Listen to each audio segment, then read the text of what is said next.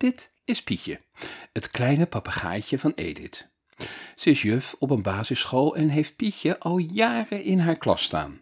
Kinderen vinden het fantastisch om hem te verzorgen en kijken er altijd naar uit om samen met hem de taalles te doen.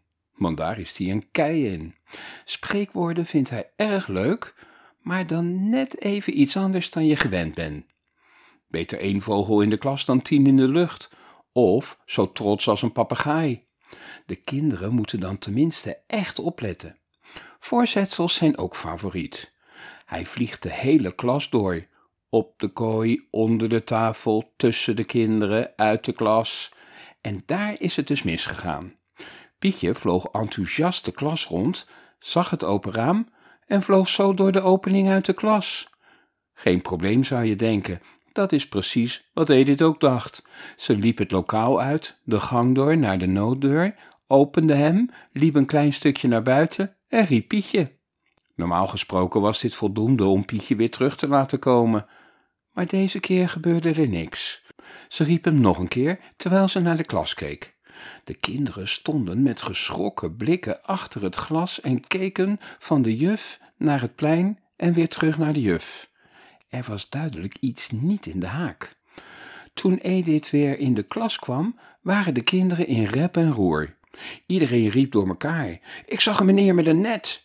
Nee, het was geen meneer, het was een mevrouw. Volgens mij had ze rode laarzen aan. Het waren er twee.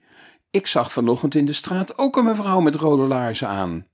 En die andere had een donkere jas aan, met een tekst op de achterkant. De juf maande de kinderen tot rust. Wat is er gebeurd? Wat hebben jullie gezien? Direct begonnen alle kinderen weer te roepen. Stop, riep de juf. Zo kan ik er niks van volgen. Eén voor één graag. Mats begon. Nou, toen je de klas uit was, keek ik uit het raam omdat ik iets zag bewegen op het schoolplein. Ik wilde zien wat het was en toen zag ik iemand met een net. Je weet wel, zo'n soort visnet. Lisa vulde aan. Mats riep dat Pietje werd gevangen. Toen ben ik meteen gaan kijken of hij gelijk had. Ik zag ook iemand lopen met een net. Volgens mij was het een vrouw. En er liep nog iemand anders bij. Juf luisterde gespannen. Ze was duidelijk geschrokken, want ze keek erg bezorgd. Mina vertelde dat de ene persoon rode laarzen had, regenlaarzen, en de andere een donkere jas droeg. En Rogier vertelde dat hij veertjes had zien dwarrelen. Jesper en Jasper keken elkaar aan. Dwarrelende veertjes. Het was bijna pauze, dan konden ze op onderzoek uitgaan.